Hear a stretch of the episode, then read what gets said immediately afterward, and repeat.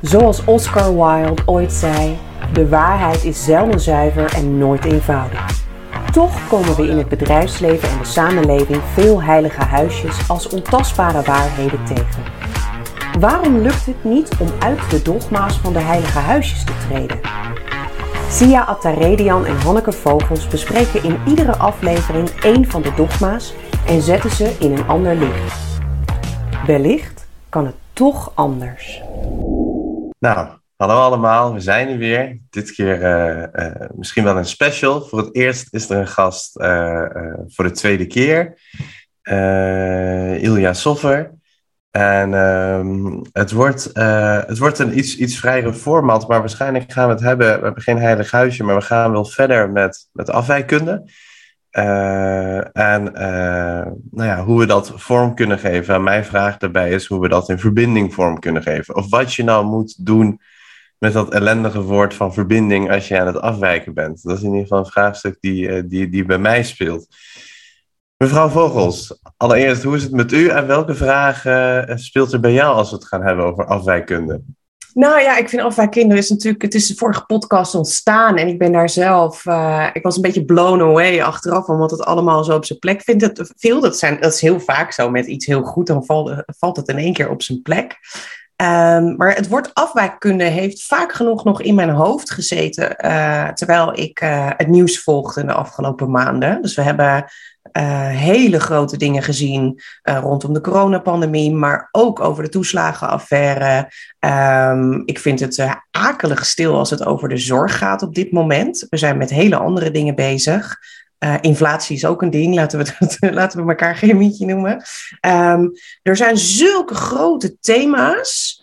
waarbij het lijkt alsof we de patronen maar niet doorbreken. En ergens in de hele maatschappij voel je dat we het niet langer willen accepteren wat er nu staat. Dus er zal iets aan afwijkkunde moeten gaan gebeuren om de boel in beweging te krijgen. En ik ben, ben uiterst verheugd dat Ilja weer aan tafel zit, aangezien zij uh, de geestelijke moeder is van, de, van het woord afwijkkunde. um, dus ik wil heel graag ook aan, uh, aan Ilja vragen, hoe wil jij, uh, hoe wil jij dit gesprek insteken? Waar, waar, wat is er in jouw hoofd gebeurd in de afgelopen maanden na die podcast en in je leven? Hoe, uh, hoe kijk jij hiernaar? Ja, ik heb, uh, ik heb ge, plezier beleefd en gestruggeld met dat woord wat uit mijn mond viel. Hè? Want het viel gewoon maar in het gesprek uit ja. mijn mond, afwijkkunde. Ik heb er een beetje mee gespeeld en een beetje opgekoud. En eigenlijk, um, misschien is wel de, de kern, ook wel een mooie kern voor dit, dit gesprek, is dat dat paradoxale, dat ambiguë, dat, um, dat we ons realiseren dat we in iets zitten wat niet zomaar te stoppen is. En dat we anderzijds alles wat we aan repertoire en aan vak en aan tegenbeweging is, dat dat tot nu toe niet uh, werkt. En als ik dan over afwijkkunde nadenk, dan raak ik in mijn hoofd in een soort gesprek met mezelf. Dat gaat over, is dat afwijkkunde, is dat nou gewoon veranderkunde, maar dan een ander woord? Is het activisme? Is het collectief? Is het individueel? Gaat het over mensen die protesteren? Gaat het over het systeem een beetje aan?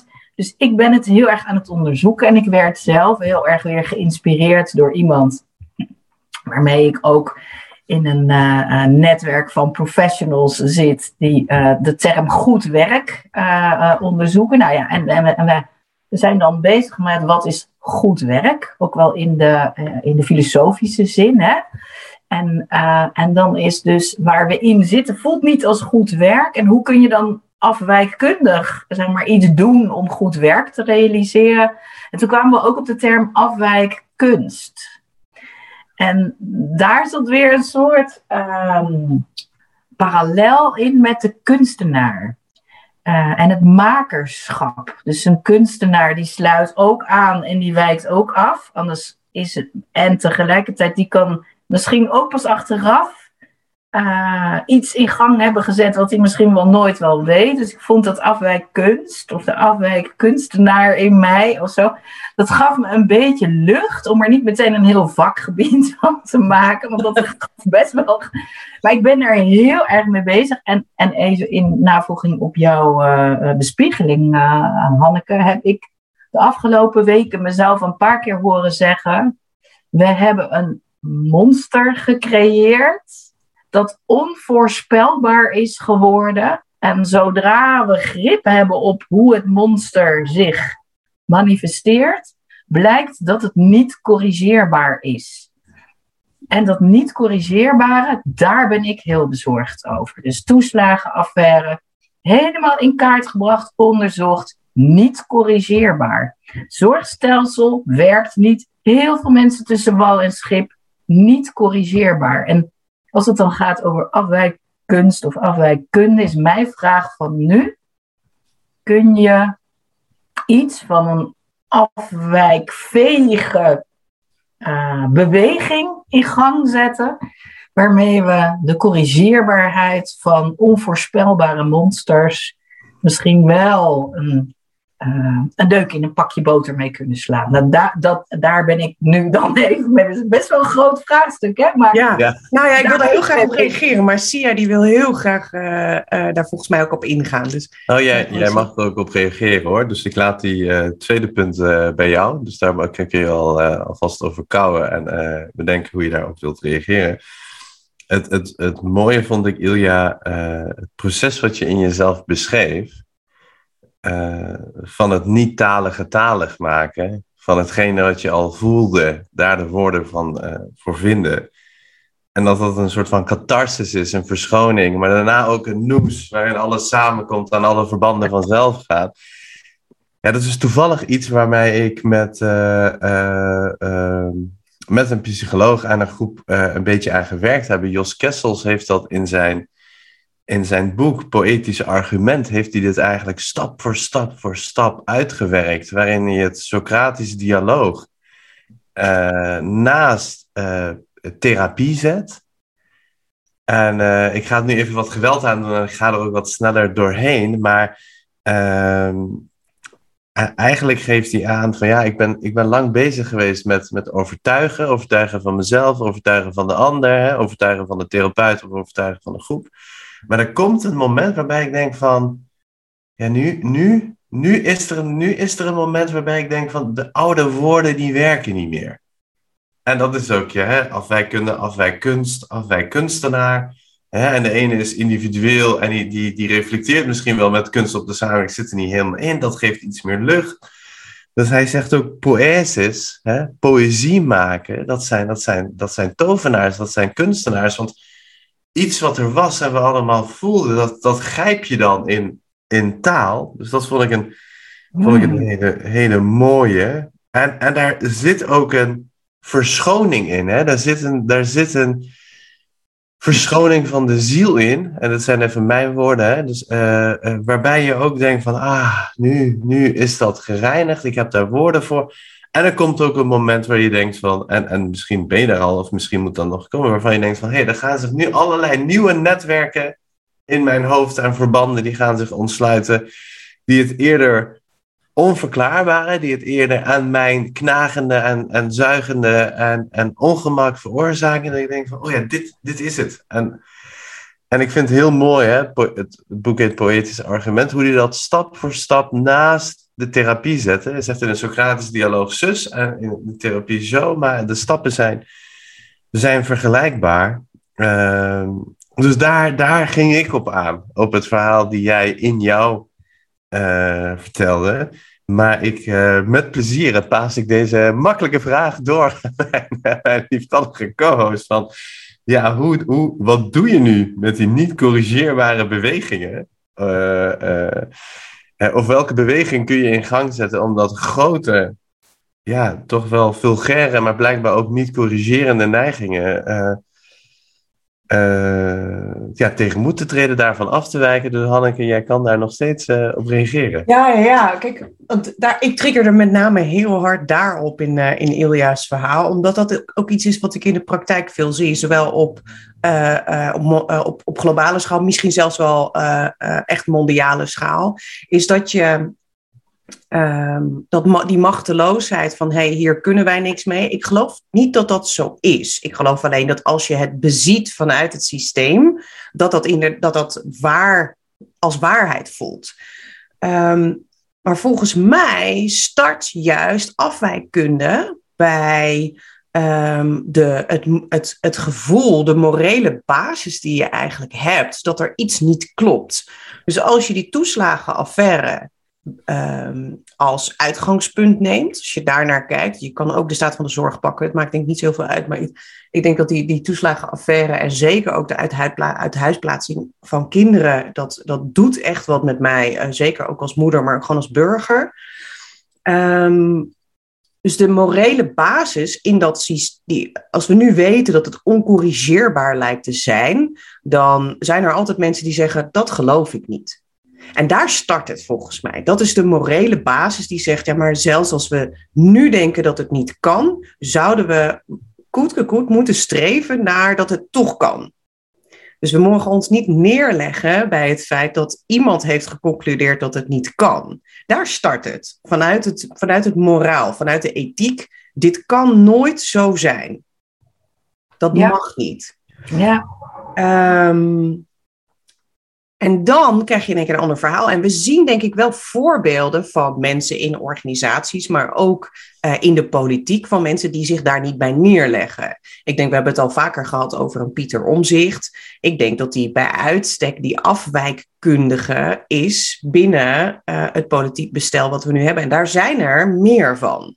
Er zijn meer mensen die dat aan de kaak stellen op in het systeem, maar net genoeg erbuiten, zodat die binnen de definitie van dat afwijken kunnen. Dus het staat er niet helemaal buiten.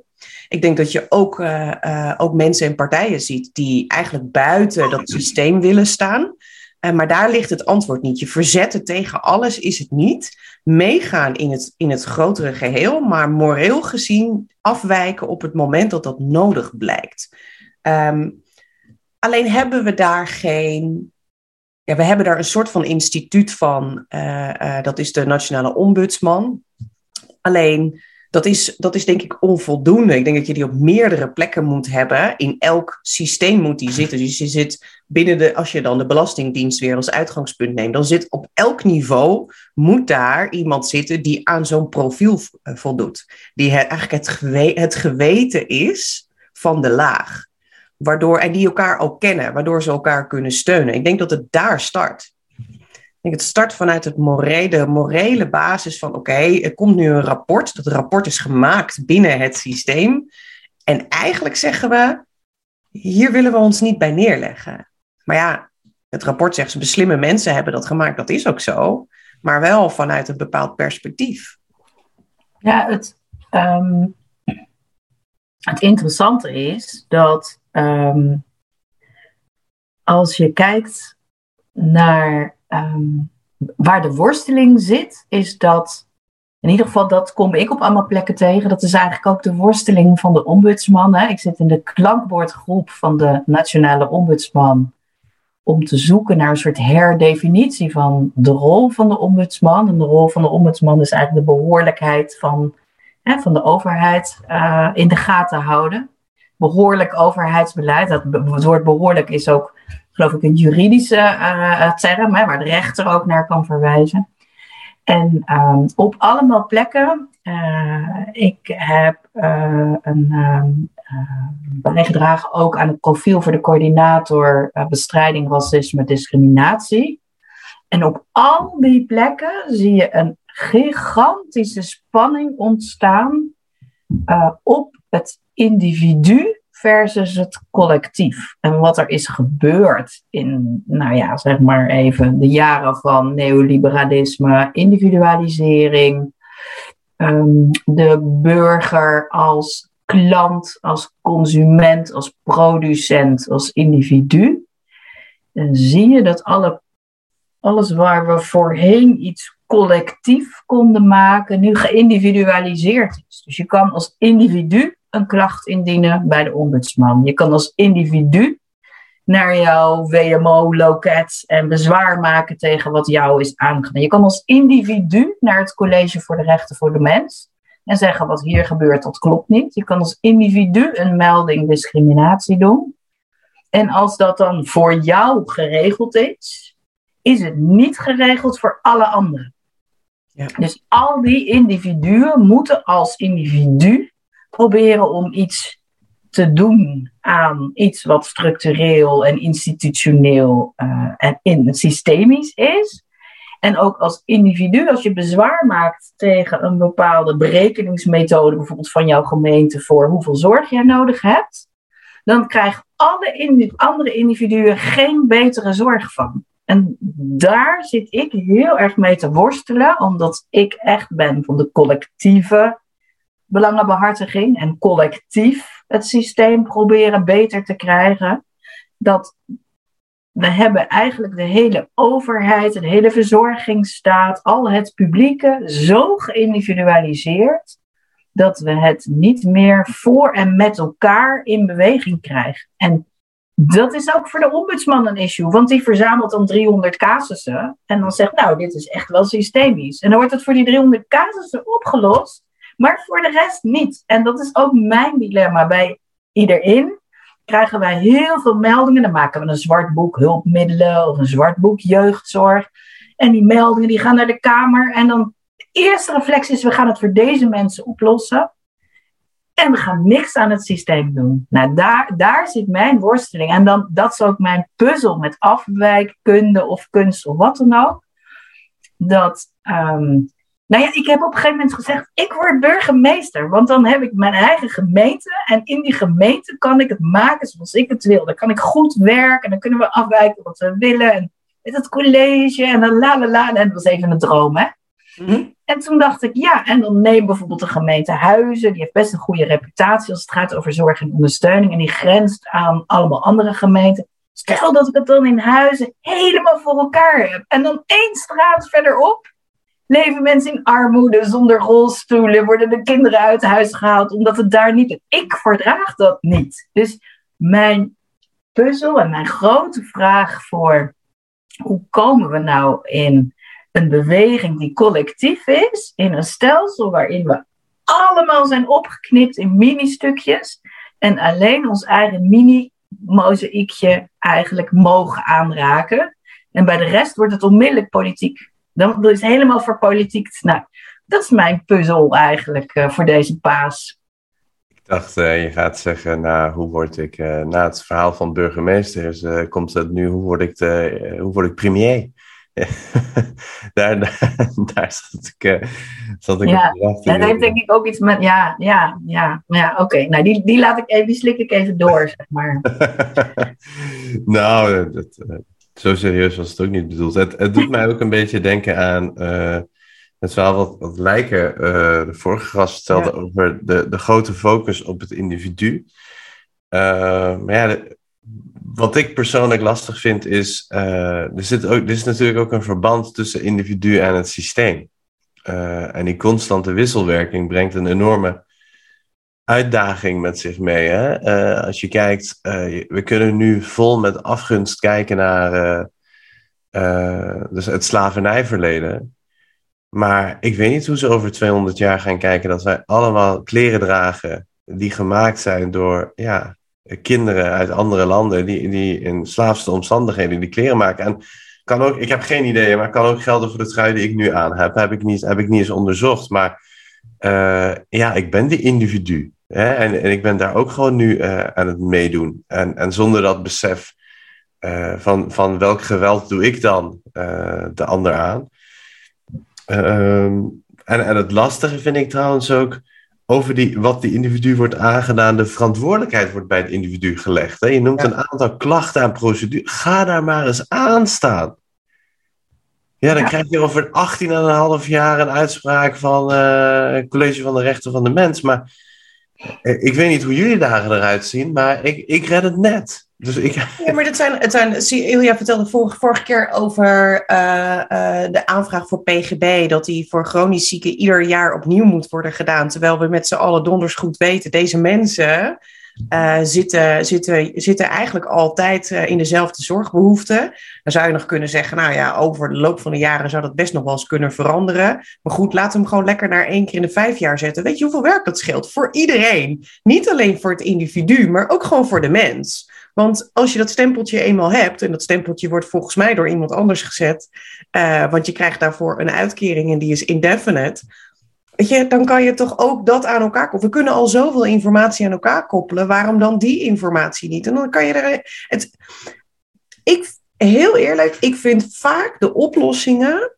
Uh, en dat, en dat bafels me. En dan zit er ook voor een deel bij mezelf. Dat ik denk, ja, maar het kan toch niet zo ingewikkeld zijn? Het kan toch niet zo. En volgens mij, nee. het is bijna een pennenstreek om het van één naar vijf jaar te zetten.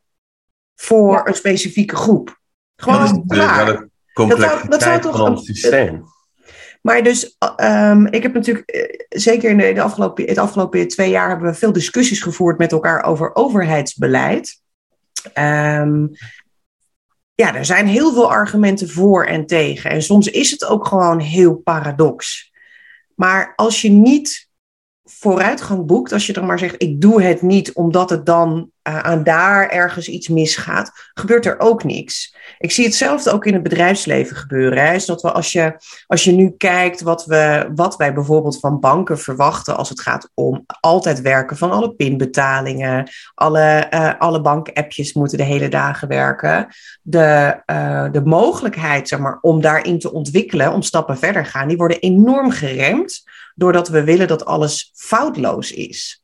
Dat er geen fouten worden gemaakt, omdat dat gevolgen kan hebben. En datzelfde geldt, dat, datzelfde principe, alles wat van de overheidswegel wat heel groot is, wat cruciaal is voor ons, daar mogen geen fouten in gemaakt worden. Dat zie je aan de administratiedruk in ziekenhuizen, dat zie je aan het onderwijs, waar docenten natuurlijk helemaal knettergek worden van alle dossiers die ze moeten bijhouden, alle vinkjes die ze moeten zetten.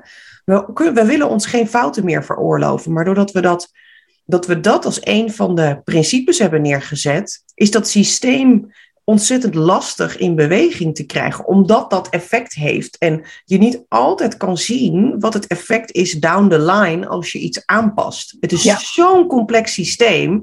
Terwijl als je zou accepteren dat er daardoor dus ook fouten uh, ontstaan, dat we niet helemaal kunnen overzien, maar moreel gezien lijkt het het beste om dit te doen. In kleine stapjes laten we dan vervolgens die issues oplossen die daaruit komen. Maar dan zijn we in ieder geval in beweging. Dan hebben we voor een groep mensen het alvast beter gemaakt. En da dan moet je dus accepteren dat je um, een corrigeerbaar systeem moet maken. Want als de optelsom van dingetjes foutjes oplevert, dan moet je dat ook, die foutjes ook, als ze ongewenste effecten hebben, ook kunnen oplossen. En daar zie je heel erg en daar zijn wij nu heel erg mee bezig, ook bij iedereen. En dat is, ja, dat is een inspiratiebron, maar eigenlijk een hele ellendige. Dat is dat thema van die hardvochtige effecten van beleid. Dat zie je met name in de sociale zekerheid. Dat dus fiscale regels en uitkeringsregels en arbeid en via en waaijong. En dat dat is uh, dat de participatiewet. De, de, dat is, zijn wetten die gemaakt zijn uh, met een soort maakbaarheidsmantra. Dat mensen moeten werken. En als ze niet werken, dan willen ze blijkbaar niet werken. En um, als je dan bij elkaar optelt dat als ze wel willen werken, dan moeten ze werken in een hele smalle definitie van, van arbeid en inkomen. En als ze daar buiten vallen, krijg je allemaal een soort van domino-effect van uh, uh, fiscale regels. En zo hebben wij ook uh, allerlei mensen die dus niet kunnen samenwonen met degene waarmee ze getrouwd zijn, omdat hun inkomen dan zoveel achteruit gaat dat ze hun woning niet meer kunnen betalen. Ze kunnen niet meer uh, uren gaan werken. Want als ze dat gaan doen, dan uh, gaan ze, krijgen ze een boete of een terugvordering. Dat, die kan je ook niet voorspellen. En als die onterecht is, kun je hem niet meer corrigeren. Dus zo zijn heel veel mensen die willen bewegen in de optelsom van wat we gemaakt hebben. komen ze in de ellende uit. Eigenlijk is de toeslagenaffaire ook zo'n rare optelsom. Je komt op de verkeerde lijst en daarna komt er een optel. Die optelsom kun je als individu bijna niet meer corrigeren. Misschien als je de moed hebt, maar, eh, maar het systeem zelf kan het ook niet corrigeren. Dus de mensen aan de balie kunnen ook niet meer in hun computersysteem die, die computerprogrammeerregel openbreken en zeggen: deze mevrouw heeft een punt, we gaan het vinkje weghalen. Dat kan dus niet meer. Dat, dat is zo. Dat is zo. En, en bij de sociale zekerheid geeft bijvoorbeeld een UWV geeft ook gewoon toe: ja, wij moeten ook wetten uitvoeren die, uh, waarvan we weten het is echt onrechtvaardig wat hier gebeurt. En toch moeten we het uitvoeren, want, want, als, want de rechter beslist ook dat we het zo moeten doen, want zo staat het in de wet. Nou ja, en dan, dan hebben we niet een politiek systeem dat het corrigeert. Want dan in de Kamer, dat wordt, komt allemaal in de Kamer, hè, maar wordt allemaal gelobbyd. En dan wordt er over gestemd. En al die moties redden het net niet, omdat de coalitie heeft afgesproken. Denk maar niet dat wij één millimeter stelselmatige beweging gaan doen, want dat kost ons als kabinet de kop. Ja, het, is echt, het is echt niet te hard. Ja, het is niet te harde. Maar daarmee trek je de conclusie dat de, een groot deel van de, van de issues worden veroorzaakt door macht. Ja. Dat het een ego-ding is. Ja, macht en, uh, nou ja, dat is ook macht. Kijk, ik ben niet tegen marktwerking, hè. Maar marktwerking in ons publieke domein uh, heeft hele rare dingen, oncorrigeerbare dingen veroorzaakt. Waaronder een enorme opstuwing van, van de vraag. Uh, dat de meest complexe gevallen niet meer goed bediend kunnen worden. De meest, dat, dat, zeg maar, um, dat er winst mag worden gemaakt. Ik ben helemaal niet tegen winst. Alleen je moet wel goed toezicht houden op hoe die, waar, waar die winst naartoe gaat, hoe die winst wordt. Dus er is net weer een rapport van de Rekenkamer uit over zorgfraude. Dus burgers worden gewoon uh, jaar in jaar uit geplaagd omdat ze een rolstoel aanvragen. En dan heb je die echt wel nodig dan. Hm. En die zorgcowboys mogen gewoon vette winsten maken, dingen afromen en geen kwaliteit leveren. Want daar hebben we geen toezicht op georgd. Dus als je marktwerking doet, doe het dan goed. Hè? Dus ik ben daar. Maar de vraag is op, oprecht of je in dit soort domeinen marktwerking wil. Dat kan, ja, ik wil het niet. Maar ik, ik, ik, ik geloof er niet in. Ja. Nou ja, kunnen we heel lang over doorgaan. Maar ja, we heel, heel, graag, uh, heel graag wat zeggen. Nou, het, het, ik, ik steek gewoon netjes mijn hand op. Dus het is niet dat ik dan heel graag iets wil zeggen. Maar ik, ik hou me een beetje aan de regels, zodat we uh, het proces nog kunnen inrichten. Um, nou ja, ik, ik, ik zat gewoon te denken aan uh, hè, dat verhaal van die t-shirt van het individu. Maar ook het, het jaarlijks invullen in plaats van het vijfjaarlijks. Of het echt in het computersysteem niet meer kunnen invoeren. En dat is dan natuurlijk echt puur sang systeem. Uh, en dan niet één systeem, maar dat zijn gewoon allerlei subsystemen. En, en de term opgavegericht samenwerken kwam dan, uh, kwam dan bij mij binnenschieten. Even misschien voor de luisteraar heel snel. Als je bijvoorbeeld bij een gemeente kijkt en je vraagt aan hun wat is je opgave? Dan zeggen ze ja, de burger dienen voor dit en dit en dat. Vervolgens wordt die opgave allerlei subopgaves. Dan gaat het in allerlei silo's uh, worden daaraan gewerkt. En allerlei eilanden. Want zo hebben we organisaties nou eenmaal ingericht. Uh, dat, dat, zijn trouwens ook systemen. En in die silo's is er iemand heel erg bezig met uh, ja, werk voor mensen met een afstand tot de arbeidsmarkt. Hè? Dus, dus pepernoten in zakjes doen en, en smintjes dichtdraaien. Maar diegene zegt, ja, in mijn silo moet ik de mensen die eigenlijk goed werk verrichten behouden. Want ja, eigenlijk moeten ze door naar de arbeidsmarkt. Maar ja, dan heb ik geen mensen meer die die potjes dicht kunnen draaien en die pepernoten in zakjes kunnen doen. Dus ja, dan valt mijn uh, silo, uh, mijn werk, dan doe ik het niet meer goed volgens, het systeem, subsysteem waar ik in zit de, uh, de, de mensen die, die bij het stukje uitkering zitten, die hebben zoiets van, ja, die, in mijn silo, de mensen moeten eruit, die moeten gaan werken, want dan krijg ik de juiste, juiste vinkjes. Hè? Daar word ik dan in mijn subsysteem op beoordeeld. En als ze dan weer terugkomen, is het ook niet goed. En er zijn banen op de, op de, op de arbeidsmarkt die zeggen van, ja, met deze mensen kunnen wij niks. Hè? Doe ze maar weer terug in, En zo heb je constant met trage tragedische gevolgen mensen die op de een of andere manier in dat subsysteem worden gehouden. Misschien konden ze veel meer, konden ze echt al lang participeren, maar ze worden in dat plekje gehouden, want ja, zij kunnen dat winkeltje van uh, werk met een afstand tot de arbeidsmarkt draaiende houden. En mensen die, uh, ja, die in de uitkering zitten, die worden weer geduwd in die sociale werkplekken, terwijl ze misschien dat werk helemaal niet aankunnen. Met, met ook laat, ik, hoorde, ik ga het hier niet noemen, maar met, met tragische gevolgen. Uh, van dat je mensen dwingt. En uiteindelijk, hè, en als je aan al die subsystemen vraagt van wat is jullie opgave, wat hoor je eigenlijk te dienen, zeggen ze de burger. En als je in die subsystemen gaat kijken, dien je nou de burger, is het antwoord gewoon nee. Dus het is in dat opzicht afwijken van je subsysteem, hè, van je silo waarin je in zit, dat je ook zegt van ja, als ik deze mevrouw laat werken in een sociale werkplek, die wordt gewoon onwel. Uh, of ja, mijn winkeltje gaat minder goed draaien, maar deze jongeman kan ook echt wel op de arbeidsmarkt werken, dus die moet ik laten gaan. En dat vergt een soort van belangeloosheid. Uh, en het enige belang is dan het algemeen belang. Ja. Maar daar word je één niet voor, uh, voor beoordeeld of voor aangemoedigd. Sterker nog, je wordt ervoor afgestraft. Ja. Dus mensen die op die sociale werkplekken zitten, die daar leiding aan geven aan hele capabele mensen, als individu kunnen die dat prima. Maar het systeem trekt ze echt uit elkaar. En, en soms doen ze het een jaar, twee jaar, vijf jaar, tien jaar. Maar ja, als zij ieder maand, ik verzin even iets, hè, als zij ieder jaar of ieder maand eigenlijk, nee, ik doe het eigenlijk niet goed. Want kijk maar, ik heb hier slecht gescoord, daar slecht gescoord, daar slecht gescoord. Ja, moet je wel een hele stevige eigen moreel kompas hebben. Uh, en ik denk ook dat we sociale wezens zijn. Hè? Dus er moet, ergens moet je ook anders een geluid terugkrijgen. Jij doet het wel goed. En dit systeem spoelt natuurlijk mensen uit die het goede willen doen. En die, die, die zuigt een soort van mensen in die het instrumenteel wel willen uh, oplossen voor hun eigen subsysteem. En dat is ook weer een beweging in een subsysteem en dan weer naar het grotere systeem. Dus um, ja, het begint denk ik wel met de, met de, met de morele, individuele bewustwording.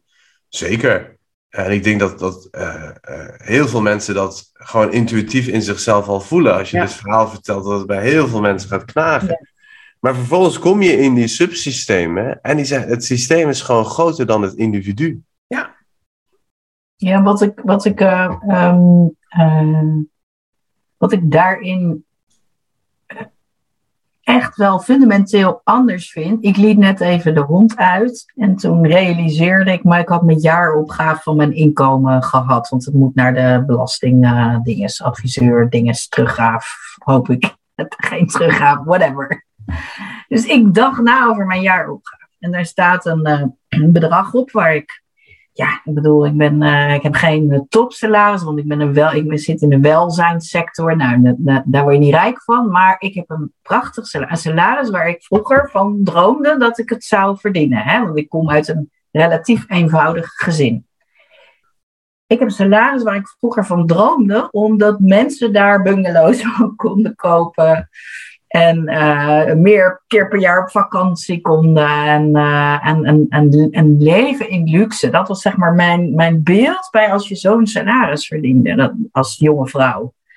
En um, ik, ik realiseerde me, want ik verdien dus meer dan modaal. Netjes meer dan modaal. Niet idioot, maar netjes meer dan modaal.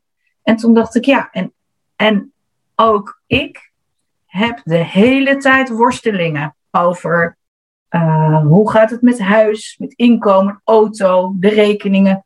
En toen schrok ik. En toen dacht ik, als, als we dus de bestaanszekerheid van mensen zo onder druk zetten, zo onder druk zetten dat ik niet morgen mijn baan kan opzeggen en denk, uh, dit, fuck it, zeg het gewoon maar even.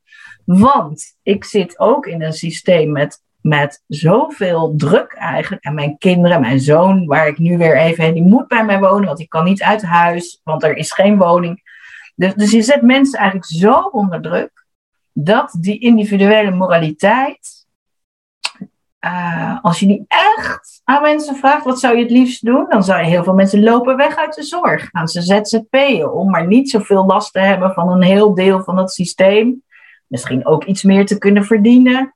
Dat meer verdienen, dat is geen vetpot. Gaan ze niet zes keer per jaar van op vakantie. Dat is ook gewoon om de rekeningen te kunnen betalen. Dus je hebt een, iets gecreëerd waarbij mensen eigenlijk zo klem zitten. Mijn zoon van 21 zegt, jullie zijn allemaal slaven. En ik wil geen Ik slaaf denk niet dat worden. hij het heel fout heeft. Hij zegt, ik wil geen slaaf worden. Hij zegt, mama, je hebt een prachtige baan en met je kop op tv. En leuk, ik heb vorige week met, met de koning gesproken. Hoe leuk kan je het hebben? Ja. De mooiste baan, maar je bent ook een slaaf. Want jij kan niet zeggen, ik ben dit systeem zo zat. Ik ga het totaal anders doen. En, want, want wie gaat dan de hypotheek betalen, et cetera. Dus alles zit klem. En daar ben ik heel bezorgd over. Want als ik al klem zit met mijn opleiding en mijn achtergrond en mijn inkomen en mijn alles. En ik heb, ik heb een, een, Hoeveel mensen zitten dan niet, die ergens schakels zijn in al die silo's, zitten dan niet zo klem dat ze gewoon het zich niet kunnen permitteren om te zeggen: Ik ga afblijven. Ja, ik wil daar denk ik wel een perspectief tegenover zetten. Want ik denk dat als je kijkt naar bestaanszekerheid überhaupt, eh, als je dat vergelijkt met eh, honderden, misschien wel duizenden jaar geleden, toen moesten we ook hard werken om te kunnen overleven.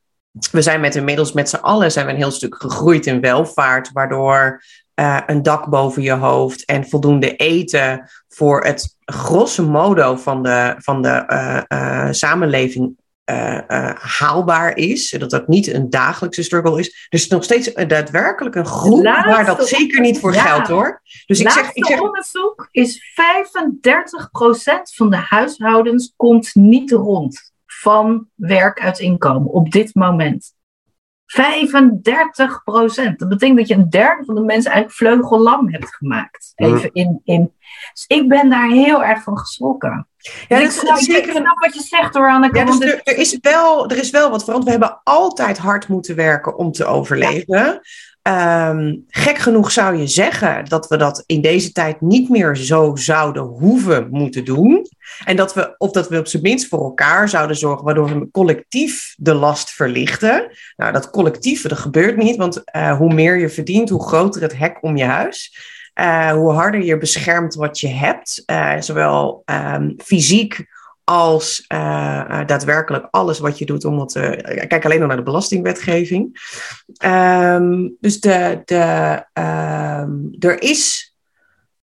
De, alle mogelijkheden zouden er moeten zijn, maar tegelijkertijd, het zal, het, ik geloof niet dat de struggle helemaal weggaat. Ik vind alleen dat de excessen die er nu zijn, als je kijkt naar bestaanszekerheid, en dat zijn echt excessen voor veel meer dan 1 of 2 procent van de bevolking. Het is echt veel meer dan dat. Dan denk ik, ja, maar jongens, dat zou met onze huidige welstand niet moeten kunnen. Dan kom je bijna in, een, in het communistische gedachtegoed dat iedereen hetzelfde moet hebben. Dan moeten we maar communisten. Geloof ik ook niet in. Ik geloof dat er wel iets van marktwerking moet zijn.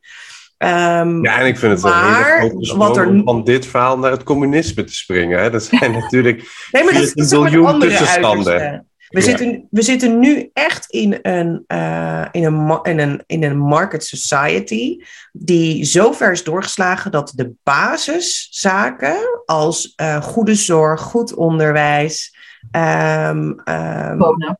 wonen, dat dat, dat dat niet meer haalbaar is voor een hele grote groep mensen. En dat, moreel gezien klopt dat niet. Als je dat afzet tegen de mensen die het.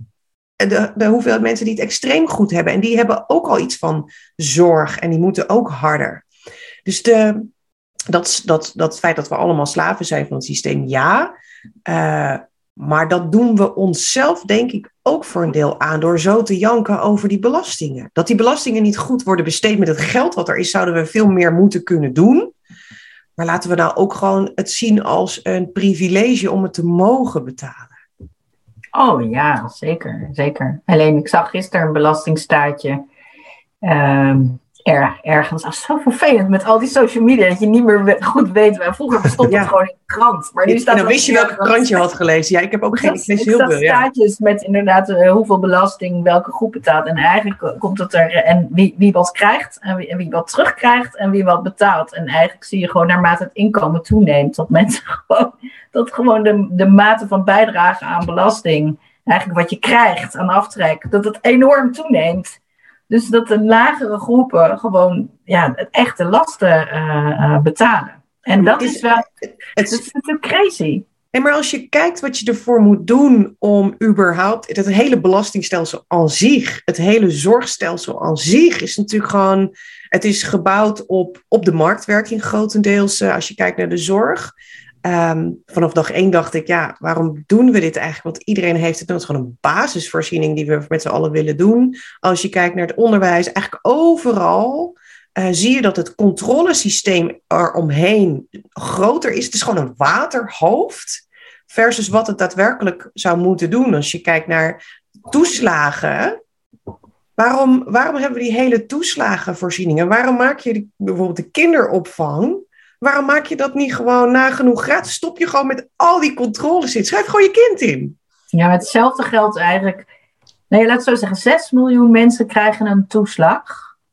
Terwijl een toeslag iets speciaals zou moeten zijn. Hè? Dat, je, dat je een speciale voorziening. Dus, dus we hebben alles, alles zeg maar, zo genormeerd dat het niet meer past. Dat het scheef zit. Hè? Je kan niet meer van twee modale inkomens één huis huren of kopen op dit moment.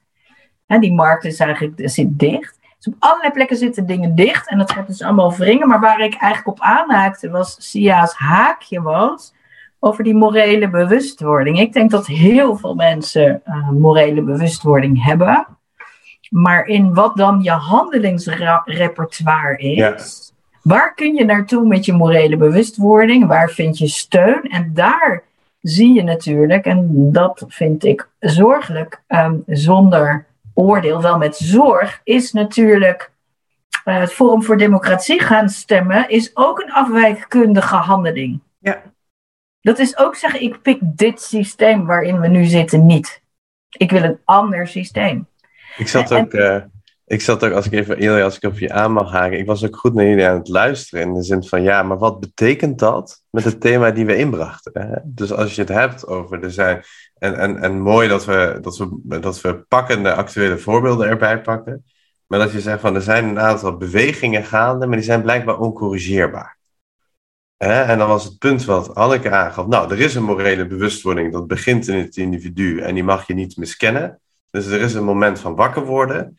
Maar vervolgens kom je in allerlei systemen en subsystemen die het hebben van het mag niet misgaan. Dus hij moet potdicht. En sterker nog, ieder ander risico of, of iets, dan beleg ik ook bij het individu. Dan als je op tijd dit moet doen en dan heb je zes weken voor bezwaar. En is dat systeem die dekt zichzelf ook volledig in. En dan komen al die individuen in allerlei subsystemen waar je ook lastig uit kan, hè, want je kan het niet eens in de computer invoeren, laat ik het zo zeggen. Dan zit je daarin gevangen. En dan was de uitweg daaruit, hè, wat jij zei, is van ja, mensen hebben ook geen bestaanszekerheid. Dus je kan ook niet zeggen, ik stap hier uit, of ik doe dit niet, of ik wil deze werk niet. Want je zit nu eenmaal vast in het andere systeem om je eigen leven draaiende te houden en, en zelf je hoofd boven water te houden. Ja. Ik heb bestaanszekerheid nog even iets verder uitgediept, dat ik dacht van ja, is het gewoon want we kunnen wel weggaan uit die organisatie en allemaal ZZP'er worden, want verbetert het niet in die organisatie of in die instelling. Is het dan niet iets van vrijheid en autonomie, hè, in plaats van dus bestaanszekerheid iets verder uitgekleed, voor die individuen, want uiteindelijk zijn het individuen die handelen. Hè. Ik kan niet meneer of mevrouw het systeem bellen of uh, uh, met meneer of mevrouw het systeem op de koffie voor een veranderkundige afspraak is het dan, vraagteken, die individuen ook wat meer vrijheid en autonomie geven, zodat ze wel kunnen handelen als ze zeggen van ja, die medewerker kan niet werken. Dus daar ook al laat dat uh, uh, controlemechanisme dat niet toe. Ja, het interessante is, hè, dus, dus uh, in mijn onderzoek naar eigenzinnige professionaliteit. En die onderzoeksgroep ontstond omdat we uh, met elkaar zoiets hadden als professionals in organisaties. ehm, zeg maar, deur, repertoire ontwikkelen, ruimte nemen en rollen kunnen innemen op de rand van het systeem, dan zie je dat als organisaties dat toestaan, dat er wel dingen kunnen veranderen hè, in die eigenzinnigheid. Eigenzinnigheid is niet gewoon puur rebelleren, dat is eigenlijk proberen het systeem samen een beetje beter te krijgen. In dat onderzoek gingen wij proberen te achterhalen wat, wat, wat, wat, wat beoogt die eigenzinnigheid nou? Of, of uh, dat, de, die, uh, die tempered radicals van Deborah Meyerson, hè, wat beogen die nou eigenlijk? En, en het grappige was dat we maar één ding ontdekten. Dat was een heel erg oer, een, een heel erg oerprincipe. Ze beoogden eigenlijk om verbinding, om autonome verbinding tot stand te brengen. Waar je als jezelf met je unieke wezen je bijdrage kon doen aan een geheel waar iedereen zich graag aan verbindt. Dus, dus eigenlijk is die eigenzinnigheid, of dat rebels, of dat opstandige, of laten we zeggen, mijn zoon die zegt: jullie zijn allemaal slaven. Dat zegt hij niet omdat hij een verwend prinsje is, wat hij natuurlijk ook is. maar dat zegt hij omdat hij verlangt naar een autonome verbinding. Als zichzelf, zonder al die stress, kunnen bijdragen aan iets waar hij in gelooft. En, waar zijn en het bizarre is, alle onderzoeken naar de arbeidsmarkt voor mensen met een afstand tot de arbeidsmarkt, die mensen willen allemaal heel graag werken, heel graag bijdragen. Ze willen alleen niet daarna beboet, gekort of in de problemen komen. En ze kunnen misschien niet 40 uur werken. Ze kunnen misschien 12 uur per week werken. Of 16 uur. Of ze kunnen wel werken, maar dan voor de helft thuis. Of ze kunnen wel werken, maar niet altijd. Of ze hebben snipperdagen nodig, omdat ze anders overprikkeld raken. Dus hele klein. Daarvan hebben wij met elkaar in die silo's gezegd: nee, mensen met een afstand tot daar moeten zoveel uur werken. En als je zoveel uur werkt, krijg je dat inkomen. Als je minder werkt, ja, dan heb je een probleem. Dus we hebben alles helemaal strak gezet. En dat vind ik ook mooi aan jouw analyse, uh, Sia. Dat als je het allemaal zo strak zet, dan loopt het uiteindelijk dus vast. Iets, anders wat me, uh, wat me prikkelt in jouw verhaal is dat, uh, en ik weet niet of ik dit goed zeg, ik denk dat het van Paul Verhagen is, maar in ieder geval voor, voor mij is het, is het goed. We begonnen met afwijkunde en mijn vraag was, wat doen we dan met het vervelende begrip van verbinding? Hè, daar waar je dan, en nu breng jij ze mooi, mooi samen. En ik denk dus dat Paul Verhagen dit zegt, anders zeg ik het als hij het niet zegt. Hij, er wordt gezegd, er zijn twee oerkrachten in de mens. Twee oerbehoeftes. De een is, en dat zijn, ik herhaal nu de woorden die al gebruikt zijn, hè, dus die woorden die iets van het ongrijpbare grijpbaar maken. Eén is dat behoefte van afwijken. Eén is dat behoefte om af te wijken, om autonoom te zijn. Ja. En, en neem de geboorte als voorbeeld. Hè. Je, je, je wilt eruit, je wilt autonomie, je wilt zelfstandig worden. En dat is ook gewoon hoe we de wereld in komen. De andere oerkracht is die van de verbinding. Neem de geboorte weer. Ja, je komt uit iets anders. Je bent fundamenteel verbonden geweest. Dus, en die twee oerkrachten komen wat mij betreft, om afwijkkunde kunst verder in te kleden. Het zit ook vanuit die twee oerkrachten van ik wil afwijken en ik wil iets van autonomie, hoor ik ook terug in jouw verhaal nu. En tegelijkertijd, ik heb behoefte aan fundamentele verbinding. Dus, dus jouw zoon, uh, dat is ook een beetje uh, à la Nietzsche, hè? we gaan het kapot maken. Maar het miskent de andere behoefte van, ja, hoe doen we dat dan in verbinding? Want ja, uiteindelijk, zelfs als zelfstandige, moet ik me wel verbinden tot van alles en nog wat. Dus ik denk, ik denk dat, ik hou het dan voor nu even op die twee oerkrachten van ja, autonomie, afscheiding. Maar dat kan niet door die andere oer, zonder die andere oerkrachten en behoeften van verbinding. Anneke. Ja, ik word heel erg getriggerd over jou, door, jou, door jouw manier zeg maar, van structureren en het zetten naar die twee behoeftes. Kijk, afwijk kunnen ontstaat bij, de, bij, eigenlijk bij morele verontwaardiging. Dat is zeg maar het beginpunt. Dat begint vanuit het individu of vanuit een paar mensen in een veel groter systeem. Ja. De volgende stap is dat je dus dan vervolgens wil je daar iets mee, uh, maar zoek je de verbinding in, dat subset, in die subset van het systeem waar je zit. Uh, maar uh, niet alleen daar. Ik denk ook dat je steun nodig hebt van andere klokkenluiders, afwijkkundigen, hoe je het ook noemen wil. Ja. Dus, dus het zit hem in, ik wil wel in het systeem blijven, want in de basis wil ik dat systeem wel blijven dienen. Ik wil het doel van het systeem blijven dienen, dus ik moet aangesloten blijven. Uh, dat betekent dat als je, uh, als je dus in zo'n systeem zit en je hebt een vorm van macht, uh, als, in de vorm van dat je een leider bent, een managementpositie hebt, dat je moet erkennen dat als iemand komt met een opmerking, dat je hem de ruimte geeft en dat je die verbinding blijft maken en ook actief hard werkt aan die verbinding, zowel tussen jou en dat individu, maar ook met de hele groep. En dat je als organisatie, als systeem moet organiseren, echt letterlijk moet organiseren, dat die afwijkundigen elkaar ook kunnen opzoeken. Dat het een soort van benoeming bijna is, waarbij je op het podium krijgt, waarbij je streepjes op je schouder krijgt. Zeg, oké, ik heb nu drie keer iets zinnigs bijgedragen over het systeem. Ik ben nu, ik hoor nu bij dit gilde. Dit is ook mijn vak waarmee je een bepaald staturen hebt. Dus de afwijkundigen moeten door het leiderschap daadwerkelijk bekrachtigd worden. En ik denk dat als je dat kan doen binnen een, binnen een bedrijf, maar het kan ook binnen een, binnen een organisatie zijn, dan kan je, kijk, wat is je nu, als we dan weer Pieter om zich nemen als, uh, als voorbeeld. Uh, ik denk omdat hij, omdat hij zo in het oog springt als afwijkundige, denk ik, het zou trouwens te gek zijn om hem uh, uh, in een podcast te krijgen. Ja! Why not?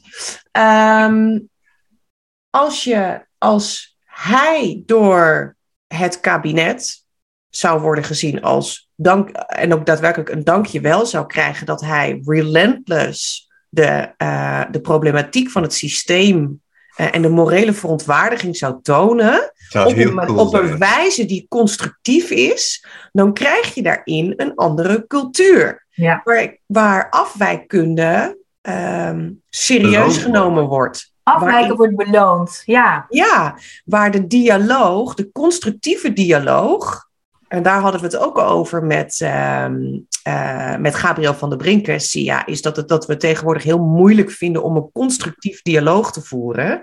Maar juist vanuit die, die afwijkundigen zijn vaak heer en meester in constructieve dialogen. Het zijn geen echte rebellen die tegen, eh, tegen zijn om het tegen zijn. Die zijn tegen vanuit een morele verontwaardiging. Dus als, je die, als je dat stuk cultuurwise de ruimte zou geven, dan zul je ook zien dat daar weer verbinding ontstaat. Ja, en misschien twee, twee punten om op aan te haken, allebei van Gabriel. Want Ilja had over vorm van democratie. Hè? Dat is ook een soort van afwijkkunde. Voor het echte verhaal moet je naar Gabriel luisteren. Ik vond het echt een waanzinnige, waanzinnige podcast, oprecht. Maar hij zei wel twee dingen die nu van toepassing zijn. Hij zei, één, er is verschil van wijsheid. Er is gewoon verschil in wijsheid. Dus je kan eh, ook in afwijkkunde is er verschil in wijsheid. En door alle culturen, door alle tijden heen, is die verschil ook gewoon zichtbaar. Dus laten we niet doen alsof, eh, alsof Nelson Mandela of een neonazi, als die allebei aan het, eh, aan het woord zijn, alsof dat gelijkwaardig is. Dus ook Ja. in afwijkkunde Mm. is er verschil in wijsheid, en dat mogen we benoemen. Iets anders wat Gabriel benoemde, en dat slaat op iets wat eh, jullie denk ik beide eerder zeiden. Hè? We hadden het over markt, we hadden het over moraal en we hadden het over macht.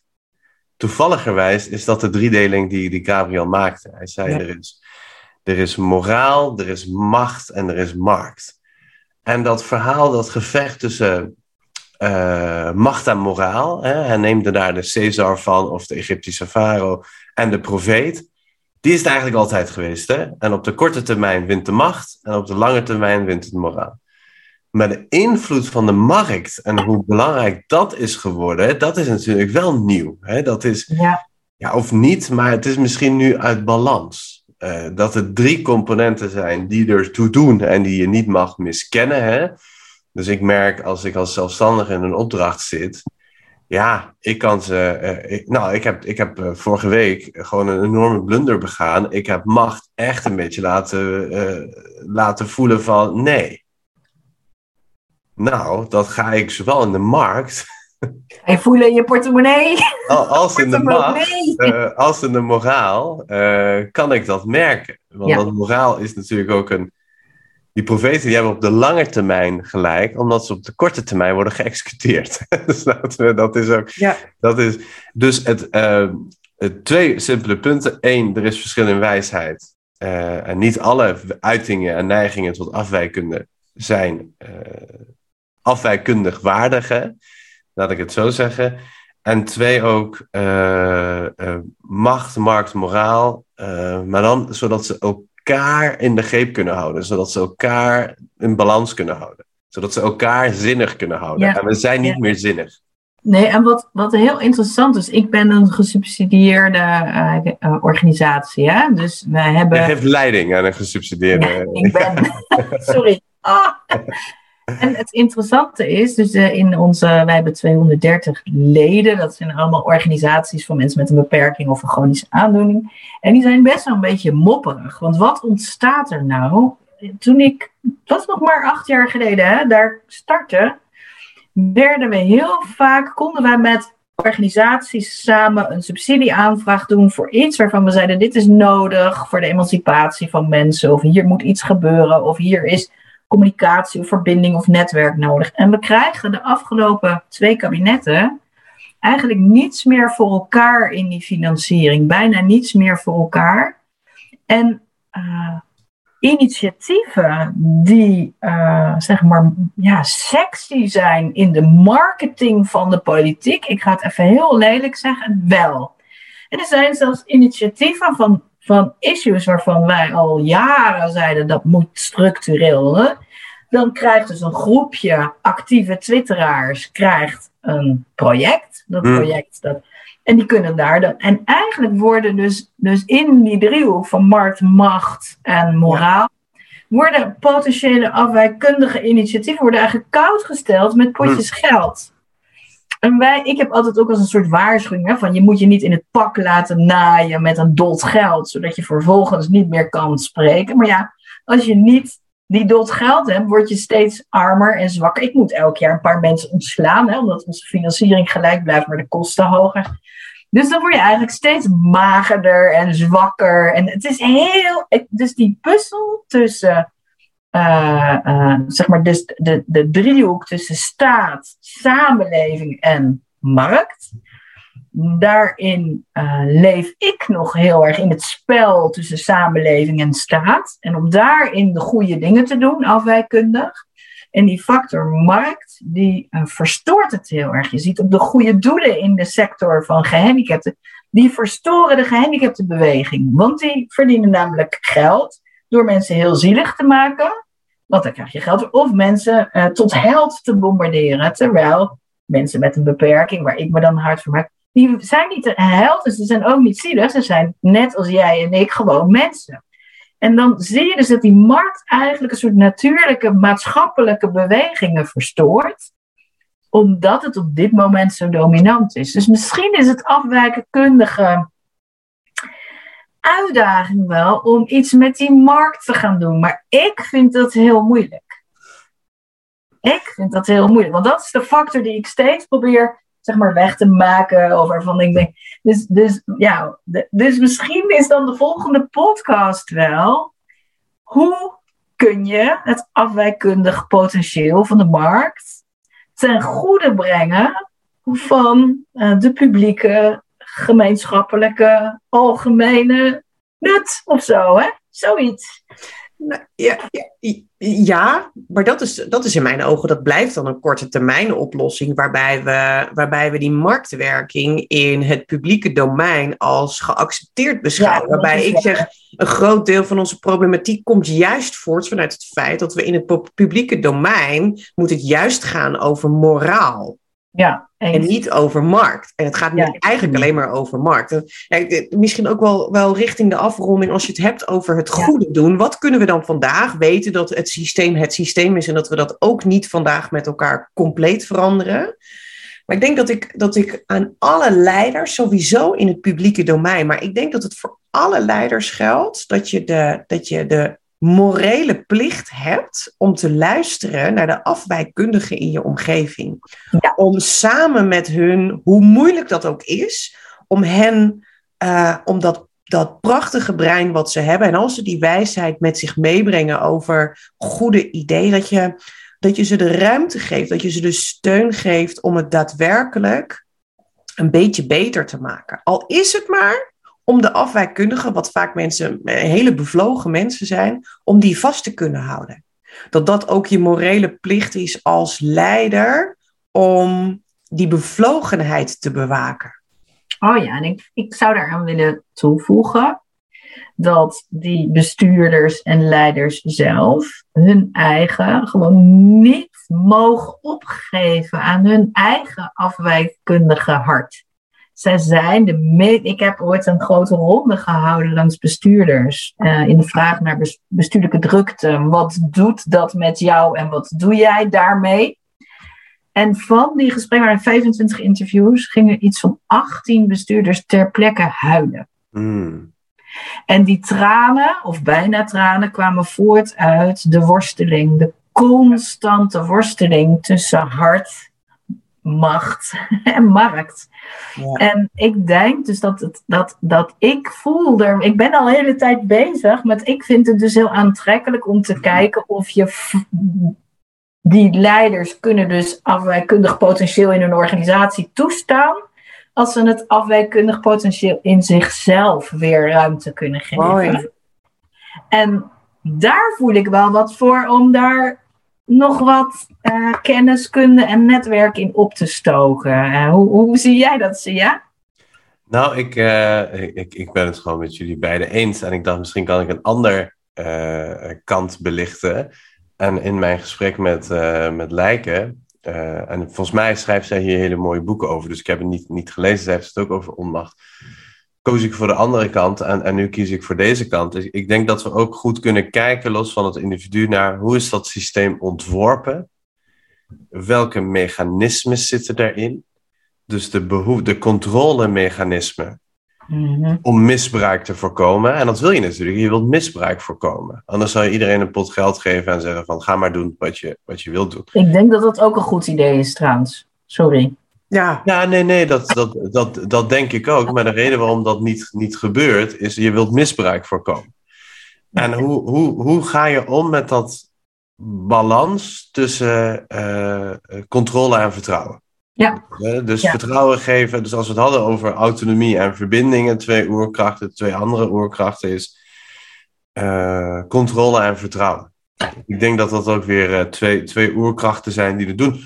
En wat is de behoefte? Hè? En dan is het dus niet, je mag nooit fouten maken, maar is het, je gaat iets nieuws proberen. We verwachten 10% fout. Maar we hopen ook dat je 90% draait. Hè? Dan gaat het niet om indekken van dat systeem. Hè? Wij hebben onszelf ingedekt dan als jij niet binnen 14 dagen dit of dat laat zien of zo. Dus ik zou, ik zou, ik zou een, een, een nieuw systeem daarop willen ontwerpen, waarin die perverse prikkels uh, ook eruit worden gehaald. En dat we elkaar daarin ook minder geweld aan doen. En, en jullie hadden het, als we het over markt hadden, hadden jullie het over marktwerking. En ik dacht van, ja, ja, ja, zus en zo. Ja, nee, ik ben ook niet voor marktwerking. Maar het gaat wel om financiën. Dus hoe, hoe kun je nog verantwoorden? Ja. En hoe kun je je eigen broek ophouden? Want de doorgeslagenheid die we nu hebben, ik komt ook wel ergens vandaan. Hè? Het, het kon niet op. En uh, dan nog meer uh, uh, investering in 15 speeltuinen, 18 voetbalvelden en 13 buurthuizen. Met alsnog heel veel overlast in de, in de wijk. Dus hoe kun je dat financieel gezond houden en nog steeds de, de verantwoording afleggen? Want daarvoor zijn al die controlemechanismes, hè, om misbruik te voorkomen, om te kijken, heb je wel het goede gedaan? En tegelijkertijd daarin niet door te schieten. Dus dat het wel nog over geld gaat, dat je dat kan verantwoorden, maar dat het niet om de illusie van controle gaat. Om maar één laatste voorbeeld te noemen uit een heel ander uh, Centraal Bureau van Statistiek of de Rekenkamer, die geeft ieder jaar of om de zoveel tijd allerlei voorspellingen over de economie. Het komt nooit uit, maar toch geeft dat wel de illusie van controle en veiligheid. Hè? Dus dat het niet alleen bij de illusie blijft, dat we op een gegeven moment ook kunnen zeggen: ja, we voorzien mensen in, in, in zelfredzaamheid, hè, in een soort van sociaal inkomen. En we vertrouwen erop dat ze daarin het goede doen. En als we op een gegeven moment uh, hebben we ook een controlemechanisme voor de uitschieters. Maar dat wil niet zeggen dat we, dat we kinderen uit huis gaan plaatsen als je niet een bonnetje van 80 euro kan laten zien. Maar als we merken dat je de Bulgaren allemaal huizen hebben gekocht met Nederlands geld dat we daarin dan kunnen optreden. En dat is weer dat balans van vertrouwen en controle. En ik heb het gevoel dat we nu in de kramp zitten van controle, indekken, uh, et cetera. Maar die verbinding tussen markt, macht en moraal, die, die moet hergedefinieerd worden. Ja, en dan misschien als, als, als nabrander dat de last van die kramp en de schuld en de verantwoordelijkheid van die kramp, die wordt nu gelegd bij die individu. Ja. Terwijl als je kijkt naar de oorzaken daarvan, dan zie je PGB-fraude wordt niet gepleegd door individuen, maar door marktpartijtjes. Zorgfraude wordt niet door zorggebruikers, maar door zorgpartijen die durfkapitaal bijvoorbeeld hè, daarmee werken.